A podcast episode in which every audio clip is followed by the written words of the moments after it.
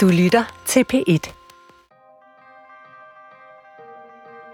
Jeg hedder Iben Krogsdal, og jeg er forfatter, og i de senere år især salmedigter. Jeg skriver tekster til salmer, og også til sange og musikværker og korværker. Og jeg øh, er blevet meget optaget af tid, tidens gang. Hvordan øh, tid og evighed kan møde hinanden, og hvordan tiden sådan viser sig i vores øh, liv, gennem livets forskellige aldre. Jeg er sådan optaget af, hvordan man øh, ældes, og hvad der sker, når man bliver ældre. Øh, og sådan hele livsrejsen. Og så er jeg især optaget af, hvordan ting ender. Og derfor har jeg glædet mig rigtig meget til at møde dig, Pia Rav. I de måde. Øh, sanger er du, singer-songwriter, forfatter, og du har skrevet noget musik, som har rørt mig dybt.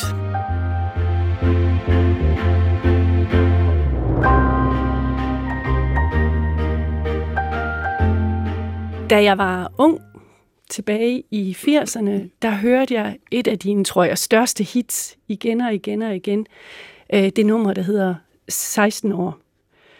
Øhm, jeg kan huske, at jeg gik hjemme på mit øh, værelse og kiggede ud af vinduet og bare lyttede og lyttede og følte virkelig, at her var noget, der sådan åbnede mig øh, for et øh, fællesskab med mennesker, som på en eller anden måde havde det lidt ligesom mig. Øh, og så synes jeg også, at der i det nummer, som handler om ensomhed, handler om at være ung og føle sig grim og udenfor, og ikke øh, have venner, og ikke kunne få en kæreste, og i det hele taget bare sådan stå og se på livet lidt udefra, så synes jeg, at ud over temaet i øh, den sang, så var der et eller andet helt særligt ved netop din stemme, som øh, ja, en dyb, dyb genklang. Jeg synes, du har en stemme, som er øh, enormt livskraftig. Øhm, og så er den samtidig fuld af smerte. Det er lidt svært at beskrive. Man skal jo høre den for virkelig at, at mærke det, men det er som om, at din stemme kan bære rigtig meget smerte på en meget håbefuld måde. Så når du sang med også din særlige vibrato, så kunne jeg simpelthen mærke den der genklang et eller andet indeni, som forbandt mig med noget større. Og jeg tror virkelig, at din stemme har noget, som meget få stemmer har, nemlig sådan Tonen er både noget meget dybt og noget meget lyst. Og derfor har du øh, betydet meget for mig. Øh, sangen der, men også bare det, at der findes sådan en stemme i verden, har været øh, vigtigt for mig. Så jeg har virkelig glædet mig til at tale med dig i dag, både om sangen og om stemmen og om tid og evighed. Jamen, så synes jeg faktisk, at vi skal gemme stemmen lidt, for der har jeg måske noget, som jeg kan fortælle dig, som du vil genkende, øh, som var en åbenbaring for mig, da jeg da en fortalte mig, hvad det var, jeg prøvede at gøre med min stemme. Det vender vi lige tilbage til. Øh, 16 år, det er jo faktisk ikke min sang. Det er en amerikansk sangskriver, fantastisk sangskriver, som hedder Janice Ian, som skrev at 17. Og øh, dengang, og det er jo så næsten 45 år siden. Øh, jeg gendigtede den, og det i sig selv er svært. Altså, det er næsten umuligt øh, at, at have respekt for øh, ordene i sig selv og for de billeder, som, som øh, digteren eller sangskriveren gerne vil have frem. Men øh, dengang bildte jeg mig ind, at øh, jeg synes, det var ærgerligt for alle dem, der ikke kunne engelsk, at de ikke kunne forstå den her sang, så derfor ville jeg oversætte den mange år efter gik det over for mig, at det er total identifikation. Ligesom du siger nu, så identificerede jeg mig med den her lidt tykke pige med de, med de tykke lår, og, og som sidder ved telefonen og, og opfinder øh, hemmelige elskere, som ringer og siger, at hun er smuk og dejlig. Øh, men dengang, der skulle jeg have undskyldning for mig selv, at, øh, at det var simpelthen for, at, at alle dem, der ikke forstod engelsk, de også kunne, kunne få oplevelsen af sangen. Så vi har faktisk, måske, jeg vil tro, at der må være 20 år imellem os, måske mere, vi har haft den samme oplevelse af, at, at øh, sangen, øh, ordene har kunnet øh, bekræfte os i, at det er okay, vi er her. Mm. De siger, at du er 16 år at du skal nyde livets vor Men lykken er for smukke piger Der vinder alt, når blot de ler. Du har ingen ven, som de og ved At ingen kan give kærlighed Til tjavset hår og tykke lår Trods dine 16 unge år. Du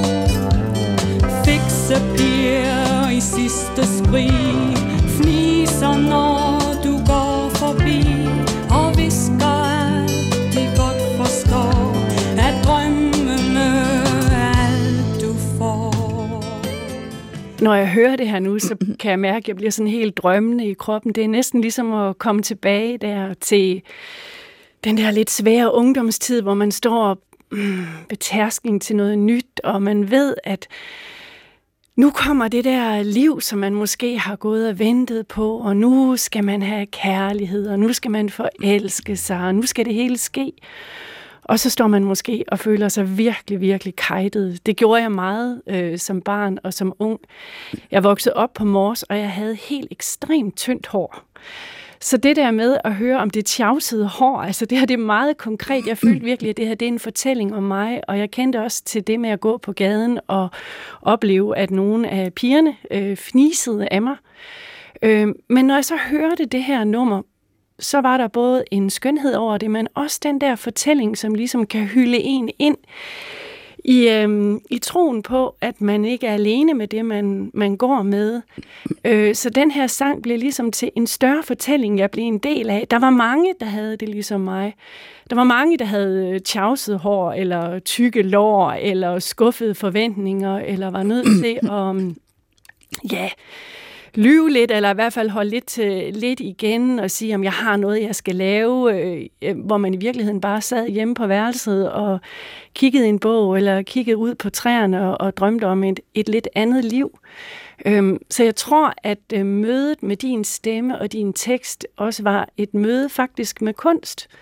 Øhm, var et møde med det, som kan trække en ud af en selv og ind i øhm, den større sammenhæng, hvor man ligesom ser sit eget liv spejlet i noget, som er meget større, og hvor man kan hente noget, man kan, man kan leve på. Er rige, smukke, godt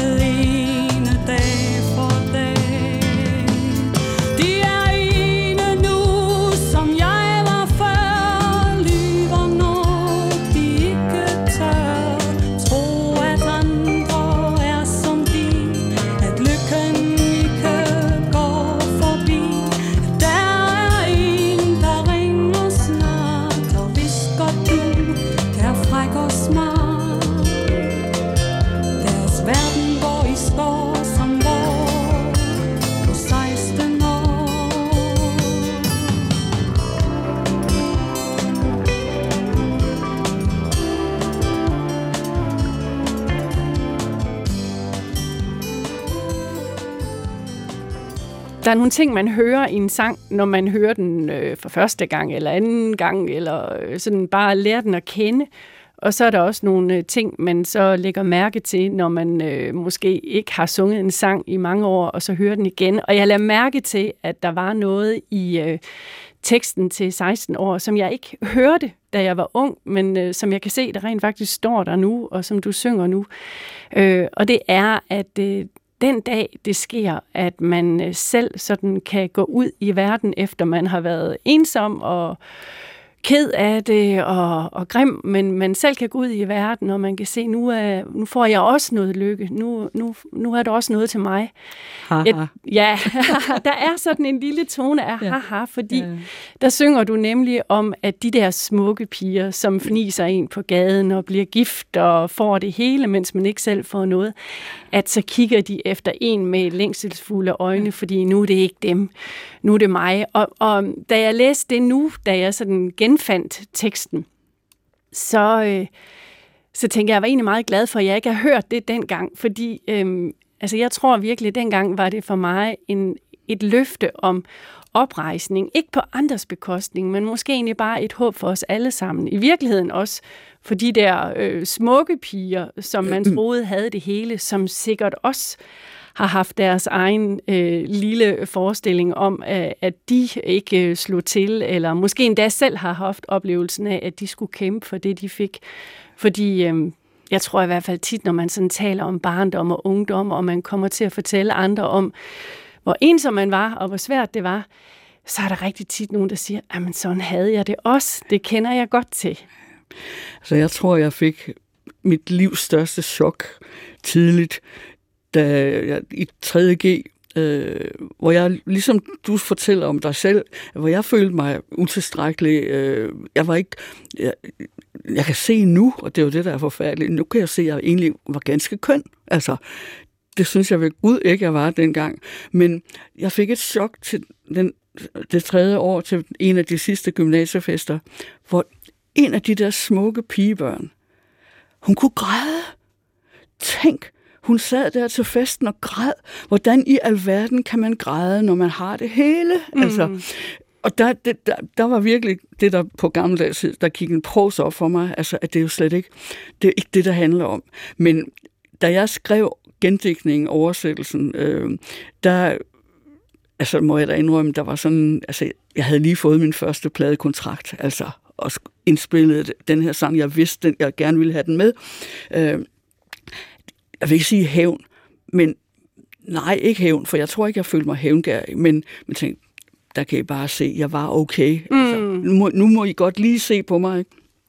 Samtidig med har jeg så senere fundet ud af, at ikke nok med, at øh, Janice Ian øh, var sort, øh, men hun er også lesbisk, og det vil sige, hun har måske i endnu højere grad altså, haft den der længsel efter, måske ikke engang drengene, men det har været pigerne, som hun har haft en total øh, hvad hedder, umulighed i at, at komme i kontakt med, så hun har på en eller anden måde været dobbelt, dobbelt. Hun har været ung, hun er lidt for tykke lår, sort, fantastisk smuk, synes jeg jo. Men altså, alt det, som hun har fået ind i den sang, har, har simpelthen alligevel kunne, kunne få dig og mig med 20 år imellem os til at identificere os, fordi vi har brug for det, du kalder et løft. Vi har brug for, at der er et håb, at, øh, at, at vi ikke er alene i verden, øh, og måske derigennem så også øh, forstå de smukke piger, som faktisk også har noget at græde over. Mm. Ja. ja, og når alt kommer til alt, er der måske ikke den der skarpe skældning, man selv kan lave, når man er helt ung, mellem de smukke og de grimme, og dem, der har det hele, og dem, der ikke har noget. Det, det hører også med til ungdom, at man ser så sort-hvidt på verden, og når man så bliver ældre, så finder man ud af, hvor meget vi mennesker egentlig ligner hinanden, ja. og at vi alle sammen kender til følelsen af ensomhed og utilstrækkelighed, og vi alle sammen har brug for øhm, kunsten og ja, stemmerne, og sangen til at vise os, at, at når alt kommer til alt, så, så, øhm, så ender det øhm, måske, nej, jeg ved ikke, om det ender godt for os alle sammen, men når alt kommer til alt, så deler vi den der smerte, over øh, nogle gange at være uden for et fællesskab, men vi kan også alle sammen komme ind i det fællesskab igen, og måske har vi hele tiden været der, vi ved det bare ikke altid selv. Og måske endda er det der, øh, kunstens øh, aller, aller største opgave er. Det er jo ikke alle, der har et sprog, et, øh, et tonesprog, eller et, øh, et, et digtersprog, eller et billedsprog, øh, men det er lige præcis der, vi kan gå ud og låne af dem, som har været der før os. Vi kan gå ud og opleve, wow, der er noget der, som som taler til mig, der er noget, der, der snakker med mig, som noget, som fortæller mig der, hvor jeg ikke har ord eller toner til det, eller hvor jeg ikke har farver nok til det. Øh, og i disse tider, hvor der bliver talt så meget om mangel på trivsel, og, og øh, flere og flere virkelig, og helt unge mennesker øh, går, går ned psykisk, altså, øh, jamen for pokker, det er jo lige præcis nu, at vi skal vi som samfund skal investere og turde have mod til at, øh, at lade kunsten tale. At det ikke kun er for de rige, men øh, og dem, der kan klare sig selv. Nej, det er simpelthen, det, det er måske ligesom rent vand, en af de få kilder til, øh, til livskraft. Mm.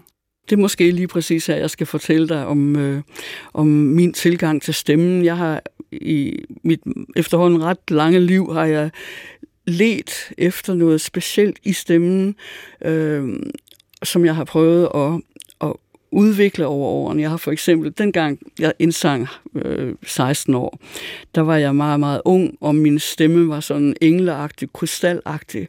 Øh, over årene prøvede jeg at lægge min stemme ned, så der kom masse luft på den, fordi jeg pludselig synes, eller havde en fornemmelse af, at jeg bedre ville kunne fortolke de ord, som jeg elsker. Øh, og så vores øh, måde at din og min måde, kan jeg jo læse ud af dine, øh, dine tekster, og dine, specielt dine salmetekster i den nye højskolesangbog, at, øh, at vores religiøsitet er, der, der er et, fælles, en, et fællesskab, men den kommer forskellige steder fra. Øh, du er mere øh, kirkelig øh, religiøs, end jeg er, men øh, jeg havde igennem mange år en, øh, en fantastisk klaverjant øh, naturlæge, øh, healer, øh, som hed Kalle Jaurup, øh, Kalle Monsegur, som øh, Lars Smul har skrevet en bog om, som hedder Seeren fra Andalusien. Han var en god ven, øh, denne her seer fra Andalusien, og han spurgte mig for mange, mange, mange år siden, Pia, kunne du i grunden ikke have lyst til at vide, hvad din, øh, hvad din opgave var, da du var inkarneret i Atlantis? Så tænker jeg, wow, jo, altså. Og så gav han mig et billede. Jeg, det er fuldstændig underordnet, om det er om det er en fysisk virkelighed, eller det er en genetisk erindring, eller hvad det er. Men da han gav mig de ord, så forstod jeg, hvad jeg ikke havde kunne sætte ord på selv. Han sagde til mig, du arbejdede i det tempel, hvis opgave det var at skabe kosmisk lys om til lyd. Og det indtil da, indtil det punkt i mit liv, når folk spurgte mig om, hvordan jeg oplevede at synge, så havde jeg ikke kunne sætte ord på det, men jeg havde altid gjort sådan en bevægelse. Altså ligesom at hente noget ned og lade det strømme igennem mig. Og det vigtige i den, i den øh, proces er, at man ikke vil beholde det for sig selv. At det må ikke lande i egoet og blive hængende der, fordi man er så ensom og øh, alene føler sig løsrevet fra alle andre levende væsener, så er det meget, meget fristende at lade, når man oplever en, en form for kosmisk tilhøring, tilknytning, eller en guddommelig tilknytning, så er det meget, meget let, alt for let, at lade den oplevelse sidde i solarplexus, i egoet. Og så kommer lyden ikke derhen, hvor den skal ud og blande sig deles med andre levende væsener, så vi vækker bevidsthed hos os selv, men også hos hinanden. Mm. Så jeg blev simpelthen, det, lige siden har jeg bragt det med mig, det der, at ja, det jeg gerne vil med stemmen, det er at forsøge på min måde at skabe kosmisk lys om til lyd, en lyd, som kan høres i verden. Det er jo virkelig spændende, at du fortæller det, fordi vi kommer jo fra meget forskellige verdener, men det er jo interessant, at man simpelthen kan jagtage, at, at jeg, kan, jeg kan høre det der lys. Altså, jeg kan høre, hvordan det lys lyder. Øh, jeg anede intet om det, du fortæller her, og, og, og øhm, det lyder også meget fremmed for mig, men jeg kan høre lyset.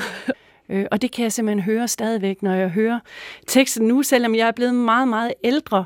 Og jo godt kan høre, at det er sådan en, en ung piges tanker. Jeg er et andet sted i mit liv nu, øh, og måske er det også øh, derfor, at jeg er blevet mere optaget nu af et af dine andre meget smukke numre, øh, nemlig det nummer, der hedder Se nærmere til. Og øh, jeg hørte det nummer øhm, for første gang efter, at, sådan, at din stemme havde fortonet sig lidt for mig igennem nogle årtier. Sådan er det jo, man hører noget, og så hører man noget andet, og så kommer tingene igen.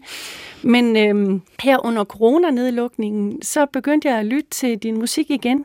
Okay. Og øhm, det var fordi, at jeg savnede din stemme, altså det der særlige i din stemme. Og så øhm, ramte nummeret øh, Se nærmere mig til. Øhm, det gjorde det ikke da jeg var ung, måske fordi jeg var et helt andet sted. Men øh, nummeret Se nærmere til, det handler jo om en, en gammel kvinde, som ser tilbage på sit liv, og hun har vel egentlig levet sådan et meget klassisk liv. Hun, øh, hun sidder som olling, eller ligger, ligger måske ned, jeg ved ikke, om hun er på plejehjem eller er på sit dødsleje, men hun er gammel og grå og slidt og har et, et, et gammelt kadaver, som du synger. Og så gik hun tilbage på sit liv, som har været sådan et liv, hvor hun har haft mand, og hun har fået børn, og de er blevet store og flyttet hjemmefra, og manden er død, og hun er blevet alene, og nu ligger hun her og insisterer på stadigvæk at være et øh, værdigt menneske og blive set for den, hun stadigvæk er. Det liv, hun stadigvæk har i sig. Øh, og det rører mig dybt, måske også fordi, at det er din unge stemme, der synger om en gammel kvindes liv. Altså, det er næsten som om, man kan høre den der livskraft ind i den gamle kvindes mund, fordi du synger den, når du er, når du er ung. Øhm, og den synes jeg er, jeg synes, den sang er vigtig, fordi den handler om at insistere på værdighed og på liv. Og, øhm, at blive ved med at være levende, også selvom man, øhm, man er døende.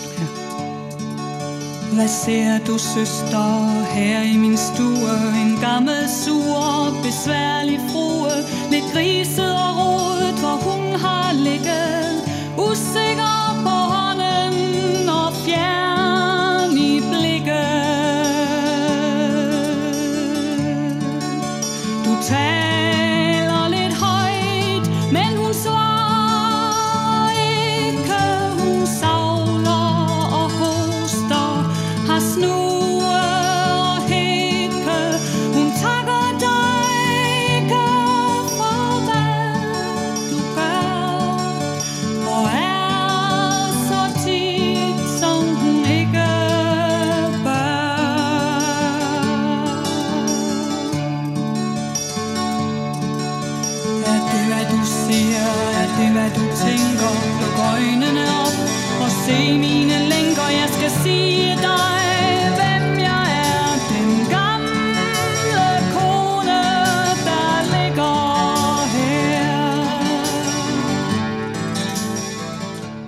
kom en ung mand på en Midtfyn Festival og stak mig et udklip i hånden og sagde til mig, den skal du sætte musik til. Og det gjorde jeg, uden at vide, hvem, hvem, øh, hvem der havde skrevet ordene. og lige inden, og den er også fra den første LP fra 1978, lige inden den skulle gå i trykken, der fandt jeg ud af, hvem der havde skrevet ordene. Det viste sig at være en, en gammel kvinde, det var hun også på det tidspunkt, øh, som hedder en Lisner, og som faktisk var her i Aarhus i ganske mange år. Øh, hun var gift med øh, en præst, som, som hedder øh, Viggo Lisner, hed Viggo Lisner, hvis søn er Holger Lisner, som ja. er salmedigter.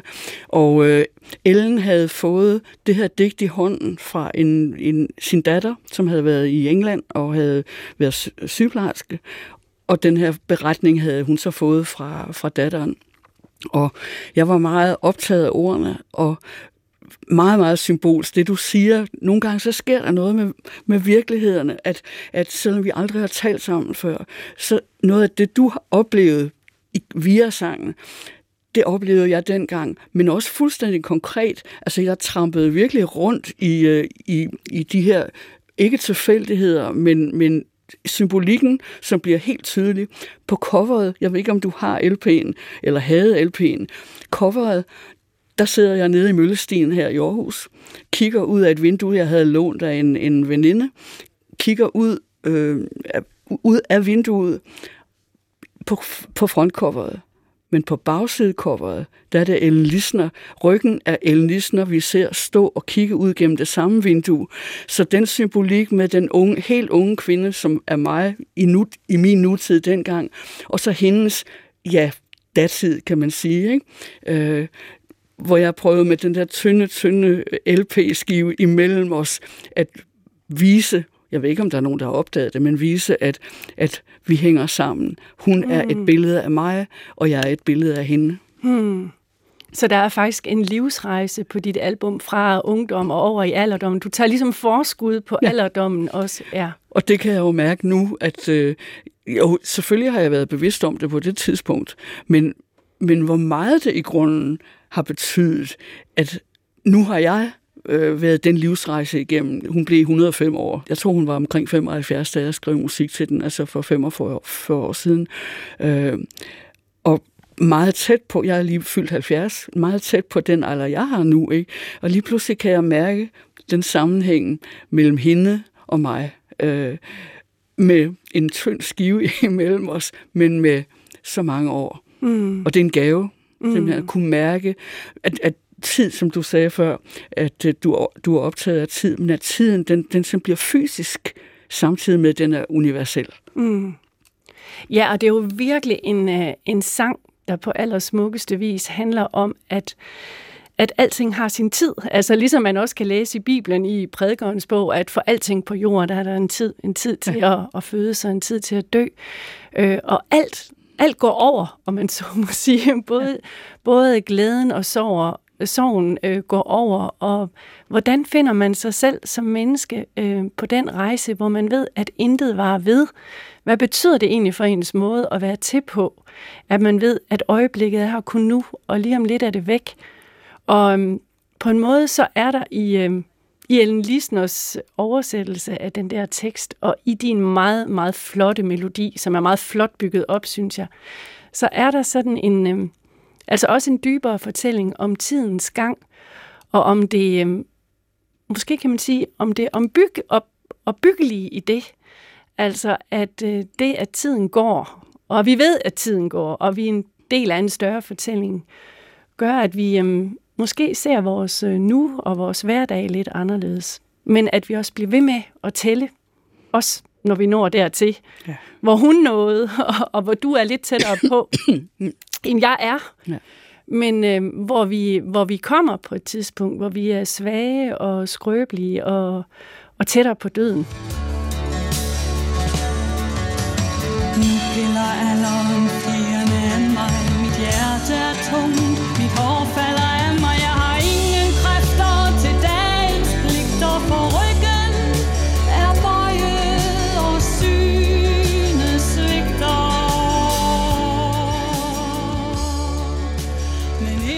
Pia, det har været en øh, virkelig stor glæde for mig at få lov til at tale med dig i dag. Og sidde her ansigt til ansigt med den stemme, som jeg synes har klinget så længe inde i mig. Jeg øh, synes, det har været øh, inspirerende at møde dig, høre om dine tanker om stemmens kraft, og det der med at give sin stemme videre. Det er helt gensidigt.